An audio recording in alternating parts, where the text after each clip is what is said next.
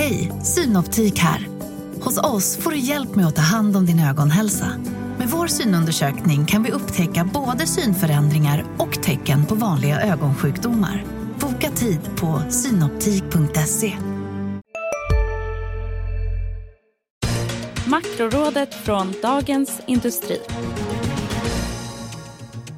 Hej och varmt välkommen till Makrorådet, podden där vi försöker reda ut de stora skeendena i ekonomin. Jag heter Viktor Munkhammar. De som ska reda ut idag är Annika Winst, chefsekonom på Nordea och Johan Javeus, chefstrateg på SEB. Varmt välkomna Annika och Johan. Tack så mycket. Härligt. Eh, det är onsdagen den 24 mars när vi pratar, ska jag säga, på förmiddagen så vet ni vilka förutsättningar eh, vi har. Exempelvis så eh, kommer det ett spännande EU-toppmöte imorgon torsdag och eh, det som ska diskuteras där är en sak vi ska prata om idag, nämligen ifall det börjar möjligen dra ihop sig till någon slags handelskrig med start i den här vaccinkonflikten. Sen ska vi också prata om ifall vi kanske är på väg i ett slags ny finanspolitisk era med anledning av de eh, väldigt stora stimulanserna som klubbas igenom i USA. Vi ska också få ett begrepp. Det är den här gången reservvaluta. Och så blir det spaningar som har ett tydligt fokus eh, just eh, denna gång. Och så avslutar vi med veckans viktigaste. Där har ni eh, upplägget kan man säga. Allra först dock så ska vi ta upp det som kom in precis här nu på morgonen, nämligen preliminära inköpschefsindex från Tyskland, Frankrike och EMU-området totalt. Och generellt var det här eh, fin läsning. Det steg över hela linjen, klart mer än vad många hade trott och även tjänstesektorn eh, drog iväg jag ska inte rabbla alla siffror, men om vi tar det samlade för hela euroområdet så steg det här indexet till 52,5 eh, från 49,1. Och där, som vana lyssnare vet, så är ju tanken att eh, 50 ska vara ett slags gräns mellan tillväxt och kontraktion. Det är väl ingen exakt vetenskap direkt. Men i alla fall, positiva nyheter. Väldigt kort, eh, Johan, först. vad ser du? Vad tänker du om det här? Ja men det är precis som du säger, det här var jättestarka siffror. Framförallt om man tittar för industrin så var det väldigt höga nivåer både i Tyskland och Frankrike. Och, eh, eh, i min värld så är industrin den bästa mätaren på vart tillväxten för hela ekonomin kommer ta vägen här framöver under resten av det här året. Och det här talar för att återhämtningen kommer att bli stark under resten av 2021 och framförallt naturligtvis när vi har fått kontroll på, på smittspridningen och det kan öppna upp ordentligt igen. Ja.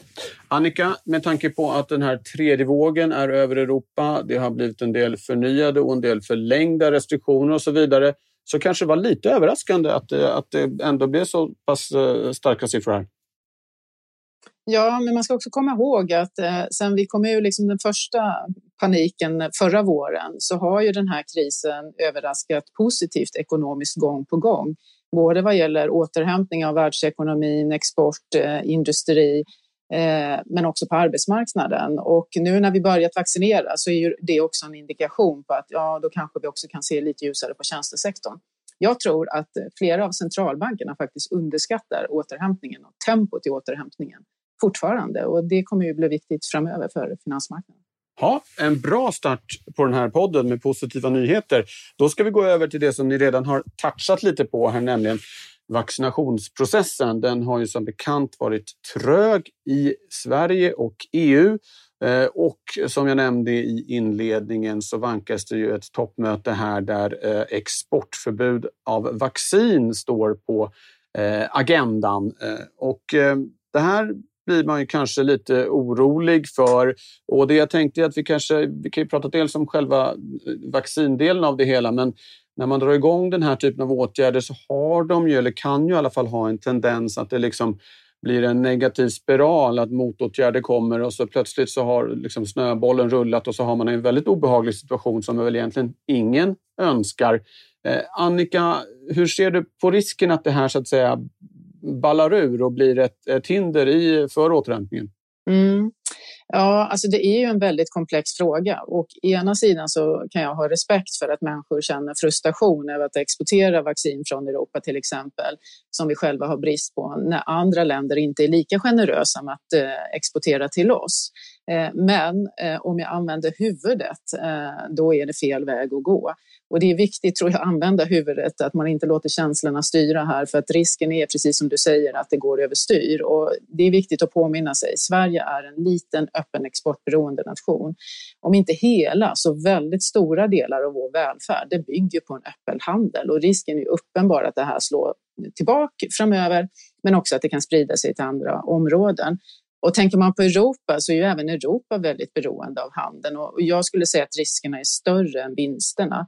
Och jag tänker också att om man tar tidsperspektivet så pratar vi ju om att vaccinen kommer att komma, men det blir senare. Så säg att Europa är vaccinerad en, två månader senare så att det blir i slutet av sommaren istället för snarare som i, i början av sommaren som man har hoppats på. Då är ändå det de varmare årstiden och man kan säkert lätta på reglerna då. Så att jag tror inte att man förlorar så där jättemycket ekonomiskt. Däremot en risk man tar om man börjar ja, liksom sätta käppar i hjulet för, för handel. Eh, det är ett extremt högt pris och en stor risk som jag ser det. Så Sverige borde rösta nej imorgon? Ja, eh, jag tycker inte att vi ska stödja eh, den sortens eh, riktlinjer. Ja. Johan, eh, hur tänker du kring det här? Jag tror att det blir rätt så svårt ändå för EU-kommissionen att komma ur det här utan att på något sätt också begränsa exporten av vaccin. Det finns ett enormt tryck i, bland befolkningen i alla EU-länder att man måste få rätsida på det här. Och sen är det också ett problem att vi ligger så långt efter i vaccineringar jämfört med andra länder. Så att, ja, jag tror att många ser det som lite rättvist också att vi ska ha någon sorts av eh, exportrestriktion för att eh, komma ifatt det här. Sen så är inte jag speciellt orolig för att den här typen av, eh, av åtgärder resulterar att vi skulle få ett, ett stort handelskrig på halsen som liksom får helt andra dimensioner. Och huvudskälet till det, det tror jag ändå handlar om att det här är ett övergående problem. Det kommer inte att vara tillräckligt länge för att skapa den typen av stora stämningar och en massa motåtgärder från olika håll fram och tillbaks. Utan jag, jag tror att eh, innan det hinner gå så långt, då kommer så att säga den här vaccinfrågan vara en icke-fråga och då är vi så att säga då börjar vi om och vänder blad helt enkelt. Så att jag är inte så orolig för att det ska bli ett stort handelskrig av, av det här om nu EU inför exportrestriktioner. Nej. Annika, vill du kort replikera innan vi går vidare? Mm. Eller? Nej, men jag, jag, säger inte att vi får ett handelskrig, men det vi har sett i, i samarbeten är ofta att man börjar med små steg och sen triggas det vidare. Så jag, jag, tycker fortfarande, jag hör vad Johan säger och det var därför jag inledde med att säga att det är en komplex fråga. Jag förstår de människor som är frustrerade.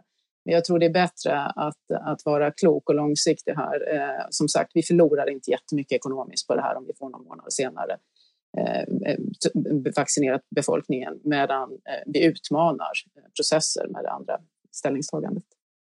Sen hade du också en frågeställning om hur det skulle påverka den globala processen och det är ju klart att det är ju ett problem att eh, om vi är vaccinerade senare i Europa så är det ju så att vi har ju tänkt att dela med oss av vaccin till andra länder som inte har och den processen blir ju senare och vi är ju beroende av varandra att, eh, att alla länder får vaccin så snabbt som möjligt så att vi blir av med risken för mutationer. Just det. Och innan vi går vidare kan man väl tillägga att hela den här Precis som så många andra globala tillverkningskedjor så kommer ju de här beståndsdelarna till, till vaccinet från väldigt många håll eh, i olika fabriker och anläggningar och annat runt om i världen. Så det är ju verkligen ett globalt åtagande kan man säga att få fram de här vaccinen som alla också behöver. Vi hoppas då att det blir någon typ av eh, vettig kompromiss kompromiss, att både de politiska behoven och de medicinska och ekonomiska kan tillfredsställas. Imorgon så går vi över till andra sidan Atlanten och det har ju pratats mycket om de här stimulanserna som har varit på gång i USA. Vi har pratat om ifall de möjligen är för stora, eh, vilka riskerna är, vilka fördelarna är och så vidare. Det jag tänkte fråga er nu är om det här eh, paketet i USA och allmänt den väldigt expansiva ekonomiska politik som den amerikanska regeringen bedriver. Eh, kan det vara början på en en ny era kanske. Det är ett stort ord att, att, ta i munnen, men ändå eh, när det gäller hur man ser på hur finanspolitik ska eh, användas, även samspel mellan finanspolitik och penningpolitik som är någonting vi har diskuterat tidigare i, i, i podden. Och mer konkret, om vi tar ner det lite liksom på, på en mer påtaglig nivå, kan man tänka sig att EU inte kommer återinföra de här budgetreglerna som är tillfälligt upphävda eh, ska man tänka sig att det påverkar eh, hur vi ser på det svenska finanspolitiska ramverket och så vidare. Det är en lite luddig fråga, jag inser det, och den är ganska stor. Eh, men Johan, vill du ta dig an det här till att börja med? Jag tycker det är en, en, en intressant frågeställning och eh, centralbanken har ju, eller centralbanker har ju på senare år valt att slänga att säga, sina gamla principer över bord och återgå till ännu äldre och kanske inte så bra vanor då som innebär helt enkelt monetär finansiering. Eh, man helt enkelt finansierar statliga underskott med sedelpressen och det finns en massa skäl till varför man ska göra det i olika lägen och inte minst nu när man ska återhämta sig från pandemin. Men jag tycker att det är en befogad fråga. Det är inte helt lätt att se hur man ska kunna vända tillbaka till den här smala vägen när stater och regeringar har fått smak för gratis pengar från centralbankerna. Och att säga till en politiker att sluta låna pengar när pengar är nästan gratis, det är extremt svårt. Att sluta låna det innebär saker som skattehöjningar eller andra typer av åtstramningar och vet vi något så är det att det inte är speciellt populärt bland väljarna.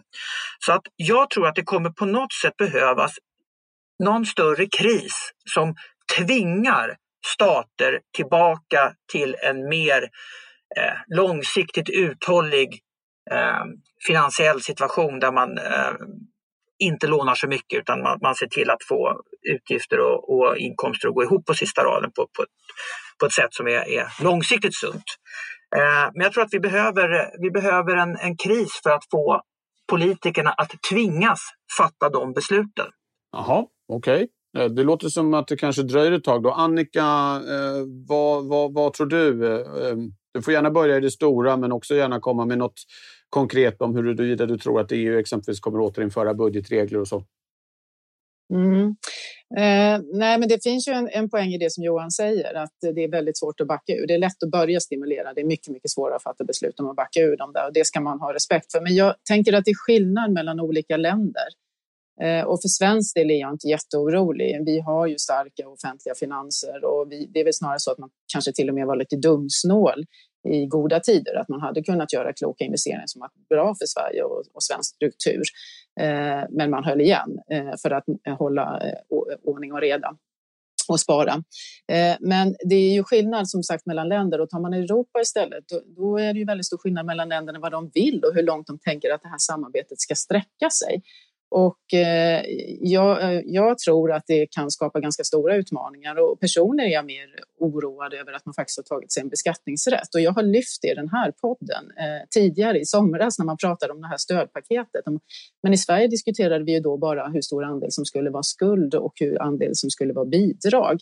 Eh, medan den stora förändringen där, det är ju när man börjar ta sig beskattningsrätt. Och det här är ju något som är Macrons eh, högsta dröm att, att fördjupa samarbetet. Merkel försöker protestera och hålla emot och om jag förstår det rätt så är Sverige ganska flata i den debatten. Nu har den poppat upp i dagarna igen, men det är ganska sent för att, att det här paketet fattade man ju eh, beslut om i, i somras och debatten var då. Jag, jag tycker att det känns som en, en risk och eh, om man liksom ger dem lillfingret eh, att du kan börja beskatta Eh, då finns det en risk att man, eh, brukar jag säga, tar handen. Och när jag pratar med folk som är nere i, i Bryssel och EU och, och, och, pratar med de som fattar besluten där så säger de nej, de tar inte bara handen, de tar armen eller kroppen. Det vill säga att vi har liksom kommit ut på ganska tunn is här och det här är ju en superstor fråga om man ska ha gemensam eh, finanspolitik. Eh, och den kommer ju då in på det som är din frågeställning. Kan man liksom tumma på de här ramverken? Ja, där har man väldigt olika syn. Jag skulle verkligen önska att svenska politiker tog ett mycket tydligare ställningstagande. Hej, Ulf Kristersson här. På många sätt är det en mörk tid vi lever i. Men nu tar vi ett stort steg för att göra Sverige till en tryggare och säkrare plats. Sverige är nu medlem i Nato. En för alla, alla för en. Vi är specialister på det vi gör, precis som du. Därför försäkrar vi på Swedea bara småföretag, som ditt. För oss är små företag alltid större än stora och vår företagsförsäkring anpassar sig helt efter firmans förutsättningar. Gå in på swedea.se företag och jämför själv. Tagande i den europeiska debatten här. Ja, det, det, ska ju fattas ett beslut här, eh, Johan, till våren ifall de, de här, den här budgetreglerna ska återinföras eh, nästa år. Det verkar väl inte särskilt troligt, men eh, om du bara får säga, tro, tror att vi får tillbaka det, då, de reglerna då som exempelvis stipulerar att, att ett budgetunderskott ska vara max 3% av BNP? Jag, jag tror att det, det ser inte sannolikt ut att det kommer ske vid det tillfället, nej. Man har inte lyckats hålla de regelverk man har haft heller. Under, alltså Tyskland bröt ju mot regelverken ganska tidigt i samarbetet och sen har man liksom låtit länderna ha en skuld som är mycket högre än det som, som gäller i kraven och så vidare. Så på något sätt har man ju öppnat Pandoras ask här och det är svårt att stänga den. Men man kan, ja, men man kan väl säga att eh, om det är någon eh, om man jämför USA och Europa så tror jag ändå att Europa har bättre förutsättningar för att lyckas komma tillbaka till en liksom lite smalare väg och det beror på att vi har euron.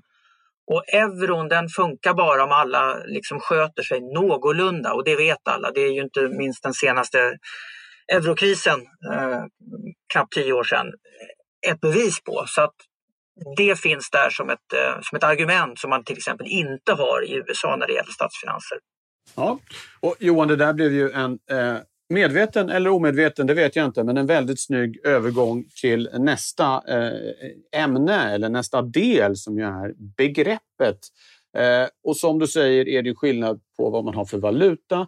Man brukar prata om att USA har en stor fördel, inte minst när de ska låna pengar, av att ha dollarn som är då i hela världens reservvaluta. Men det ska du få reda ut. Vad är egentligen det här reservvaluta som man pratar om? Kan du kort och koncist förklara för oss vad det betyder? Ja, ehm, det kommer ju av att det är en valuta som en stat vill kunna hålla i reserv då för att kunna använda vid en kris. Då kanske till exempel den egna valutan inte längre accepteras utomlands eller att eh, den accepteras men till en alldeles för låg kurs. Och för att då kunna ha fortsatt möjlighet att importera de varor man behöver så behöver man ha en internationellt gångbar valuta som alla är beredda att acceptera som betalning eh, för varor och tjänster. Och eh, den här reservvalutan kan man ju då också använda för att stödköpa sin egen valuta, vilket ju eh, historiskt har visat sig användas många gånger, eller den, det har man gjort många gånger och ibland så funkar det och ibland så slutar det i katastrof. Då. Men i vilket fall som helst, en reservvaluta den måste vara allmänt accepterad i stort sett överallt och det är precis som du sa Viktor, dollarn är den viktigaste reservvalutan.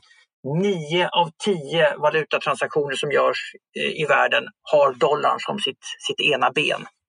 Och man skulle även kunna räkna in guld som en sån valuta som, som centralbanker och stater håller i reserv. Just för att kunna försäkra sig om att man har pengar att betala för saker även i ett krisläge.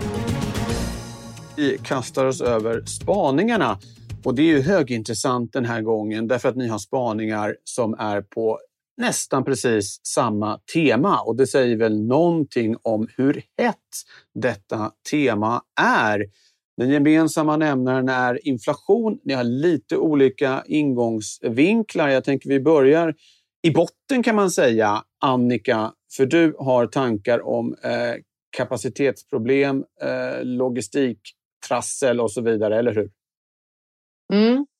Och eh, vi har ju i dagarna hört att Volvo har flaggat för att de har brist på halvledare och det får ju då produktionseffekter och börsen har reagerat på det. Och jag är inte alls förvånad utan tvärtom. Eh, jag samtalar med företag varje dag, många eftersom man sitter i digitala möten. Det sker allt från norr till söder, olika branscher. Och det är slående hur de här samtalen, om man backar någon månad så lyfter i stort sett alla problemet med stigande fraktpriser, vilket vi också har pratat om i den här podden tidigare. Nu har fokus svängt och nu är det istället brist på komponenter. Eh, och det som är intressant då, det är att det är väldigt, väldigt brett. Eh, elektronik är supertydligt. Alla som håller på med det, de har känt av det här att det finns brist på komponenter. Men det är också väldigt många andra branscher och eh, många kunder beskriver, företagskunder då, beskriver hur eh, de har fått sina leveranstider mer än eh, dubblerade och ibland mångdubblerade. Jag har också flera kunder som säger att de blir uppringda av sina leverantörer och där leverantörerna säger att ja, men nu måste ni beställa för ett år framåt, annars får ni inga grejer. Och eh, man beskriver det som att om man beställer idag så normalt brukar man få grejerna i maj. Nu säger man att man får dem i november. Så det är enorma förskjutningar och det här kostar ju förstås pengar. Plus att en del då indikerar att det ovanpå det här dessutom är störningar i leveranskedjorna. Så att man säger att man ska få det i november, men får man verkligen det? Det kanske är januari eller är det februari? Och det här skapar ju enorm ovisshet och problem för många av de här företagen. Och det som Volvo då flaggat för det är ju att de får produktionsproblem. Eh, men det är ju också en risk att man får priseffekter av det här och det är det som kunderna eh, flaggar för mig när man har störningar i de här Eh, leveranskedjorna. Och eh, det som kunderna då ställer som fråga det är att kommer vi att få någon catch-up-effekt i inflationen? Eh, och vad får det då för konsekvenser för räntor och så vidare? Och jag vet att Johan han har just catch-up-effekter på inflationen som sin ingång i den här frågeställningen. Så jag tänkte att om Johan fyller i där så kan jag komma tillbaka och kommentera sen. Ja, precis. Det tänker man ju så naturligt. Är det brist på saker så brukar ju priset stiga. Och Johan, det är det, är det din spaning handlar om. Ja, precis. Jag, jag tycker att det, det vi har, det, det, är en paradoxal situation nu att vi, har, vi ser nästan inga tecken på inflation när vi tittar i mätt inflation, i KPI-inflation i olika delar av världen. Men ändå har vi den här oron på många håll över att inflationen snart kommer. Och så ser vi de här tredubblade fraktpriserna. Vi ser eh, stor brist på komponenter. Eh, datorchip är väl det som eh, kanske har fått störst uppmärksamhet. Vi har råvarupriser, kopparpriset nästan på en all time high och så vidare och så vidare. Och sen har vi då det här varubristen. Eh, min egen reflektion eh, det är att när man ska gå ut och handla någonting nu, eh, vare sig det är i en fysisk butik eller på nätet, så är det ofta som det är slut. Och jag ställde lite helt ovetenskapligt den här frågan på Twitter också för, förra veckan och eh, tre fjärdedelar av de som svarade höll med. De upplever också att vi har, har fått ett läge nu där det, det ofta är varubrist. Och det här, i min värld åtminstone, det måste förr eller senare leda till att företag höjer priser. Inte bara för att kompensera sig för att deras kostnader ökar när leveranskostnader går upp och, och, och, och råvarupriser stiger och, och komponenter blir dyrare. Utan också helt enkelt därför att det är det är vad man gör. Om man upplever att efterfrågan på ens produkter överstiger tillgången, ja men då höjer man priset. Så att eh, jag, jag är, eh, blir mer och mer orolig varje vecka för att vi ska börja få se en sån här ketchup-effekt i inflationssiffror. Framförallt då på varusidan. Och det i sin tur tror jag, tror jag kommer bli väldigt, väldigt jobbigt för marknaderna. Därför att visserligen kan man säga att ja, men det är tillfälligt och vi kommer att reda ut de här problemen och löner är fortfarande låga och arbetsmarknader är, är, är liksom långt ifrån fullt kapacitetsutnyttjande. Alla de här klassiska långsiktiga inflationseffekterna. Men jag tror inte att man riktigt kommer att nöja sig med det utan jag tror att många kommer att bli väldigt oroliga över att förväntningarna om hög inflation plötsligt börjar spilla över i att vi faktiskt ser också tydliga faktiska prisstegringar. Och det kan bli en kalldusch som leder till högre räntor och det kommer i sin tur naturligtvis också bli då, då blir väldigt jobbigt för marknaderna. Annika, är det det här svaret du ger kunderna när de ringer och frågar? Ja, alltså jag tycker att det man kan lägga till det som Johan har sagt är ju att det är skillnad lite grann på hur marknadens aktörer ser på det här och centralbankerna ser på det här. Och det handlar lite grann om vilket perspektiv man har. Men som jag sa inledningsvis, eh, jag tror att många centralbanker faktiskt har eh, underskattat tempot i återhämtningen och om man dessutom får de här pristrycket så finns det ju en risk eller chans hur man nu ser att man faktiskt får upp inflationen över målet. Eh, redan under innevarande år. Och tittar man på USA då så säger den amerikanska centralbanken att de vill också titta på arbetsmarknaden. Men om sysselsättningen fortsätter att stiga i den takt som den gör nu så kommer även sysselsättningen att vara tillbaka på förkrisnivåer eh, redan i slutet av det här året. Så att jag tror att det finns en risk att centralbankerna blir överraskade över det här och att det också då blir ett annat tonläge från eh, centralbankerna. Eh, men det är också viktigt att, att påtala och påminna de som sitter i marknaden att centralbanker är långsiktiga i sitt sätt att titta på det här, precis som Johan var inne på. det räcker inte med att man får tillfälliga toppar utan de vill verkligen se att gapen sluts och där brukar det vara eftersläpning i det. Så att jag tror att om man frågar Riksbanken eller Fed så har de en ganska annorlunda syn än vad, än vad marknadens aktörer har på den här återhämtningen och, och hur gapen har slutit, hur tajt det är på arbetsmarknaden och så vidare. Och det gör att de har ett litet annat perspektiv eh, och det talar ju då för att, eh, precis som Powell sa eh, häromdagen, att eh, eh det dröjer. De kommer att fortsätta att föra en expansiv eh, politik. Det är tillfälligt och det är inte så mycket som, som de behöver för att agera. Just det, Powell kan vi lägga till, Jerome Powell, chef för Federal Reserve, den amerikanska centralbanken. Eh, Johan, innan vi eh, går vidare bara, när kommer den här catch-up-effekten då? Ja, men det, det, känns som att det kan inte dröja så himla länge. va? Jag menar, varubristen har vi på många områden här och nu. Och eh, jag, jag säger alltså definitivt under det här året. Om det sen blir, blir under, under sommaren eller, eller tidigare eller senare, det, det vet jag inte. Men, men jag ska säga så här. Risken att det här kommer att ske tycker jag har ökat och det är någonting jag åtminstone oroar mig mer och mer för. Ja. Annika, vill du tillägga något eh, här innan vi går vidare? Nej, men det är också den synen som, som vi har, att det här kommer ju i år. Det är ju nu man får de här effekterna och eh, små och medelstora företag i USA signalerar ju väldigt kraftiga prishöjningar och jag tror att de har en chans att höja priserna så när man väl är tillbaka. Vi är ju många som har längtat efter att få komma ut och konsumera och göra det som vi inte har fått på ett tag och då tror jag också att man kan höja priserna även på luncher och kaffe och så vidare, sånt som som är servicesektorn. Så att, ja, det finns en, en uppenbar risk att det kommer nu. Sen hur bestående det blir, eh, det, det är en annan fråga. Men det kan ju skapa stress i marknaden när man ser att priserna går upp mycket på kort tid. Då tar vi oss an den sista delen av showen. Eh, och eh, scenen är din, Annika, för att berätta för oss vad som är veckans viktigaste det vill säga vad man absolut inte får missa att hålla ögonen på den allra närmaste tiden. Mm. Och nu är det ju påsk, så jag vet inte om jag får ta mig friheten och tänka ända bort till nästa fredag som är lång. Eh, ta dig friheten, Annika. Den andra i fjärde. Eh, för då kommer någon för payroll, eh, amerikanska arbetsmarknadsdata. Och som, som vi då precis har varit inne på, marknaden är på helspänn här nu. Har vi inflationstryck? Eh, hur stark är återhämtningen? Och där Eh, den amerikanska centralbanken då är mycket mer laid back än vad man är i marknaden och då blir arbetsmarknadsdata väldigt viktig. Och som jag sa, fortsätter sysselsättningsökningen i den här takten, eh, då är vi tillbaka på förkrisnivåer redan i, i, slutet av det här året. Så att det är viktigt att följa den utvecklingen, så det, det håller jag verkligen koll på. Ja, Bra! Med de orden så tackar jag er två, Annika och Johan. Eh, jag tackar framför allt alla som har lyssnat. Eh, och berättar att eh, om man vill lyssna på andra poddar från Dagens Industri så finns sådana som Morgonkoll dagligen och varje fredag Analyspodden. Men från Makrorådet så tackar vi för idag och eh, vi tar också faktiskt ett litet påskuppehåll men är tillbaka om en månad. Eh, ha det bra och håll er friska till dess. Hej då! Makrorådet från Dagens Industri.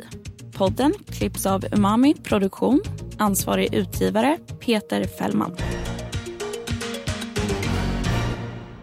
I DI-TVs program Hållbart näringsliv fokuserar vi på företagens E, S och G. Vilka är utmaningarna och vilka är lösningarna?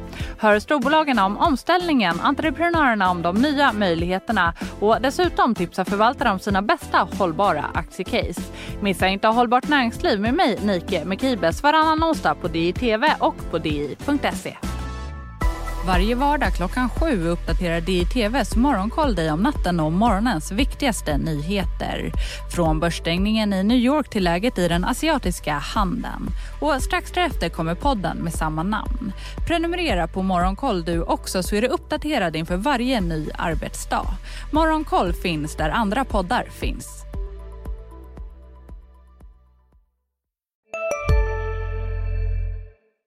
Hej, Susanne Axel här. När du gör som jag och listar dig på en av Krys vårdcentraler får du en fast läkarkontakt som kan din sjukdomshistoria.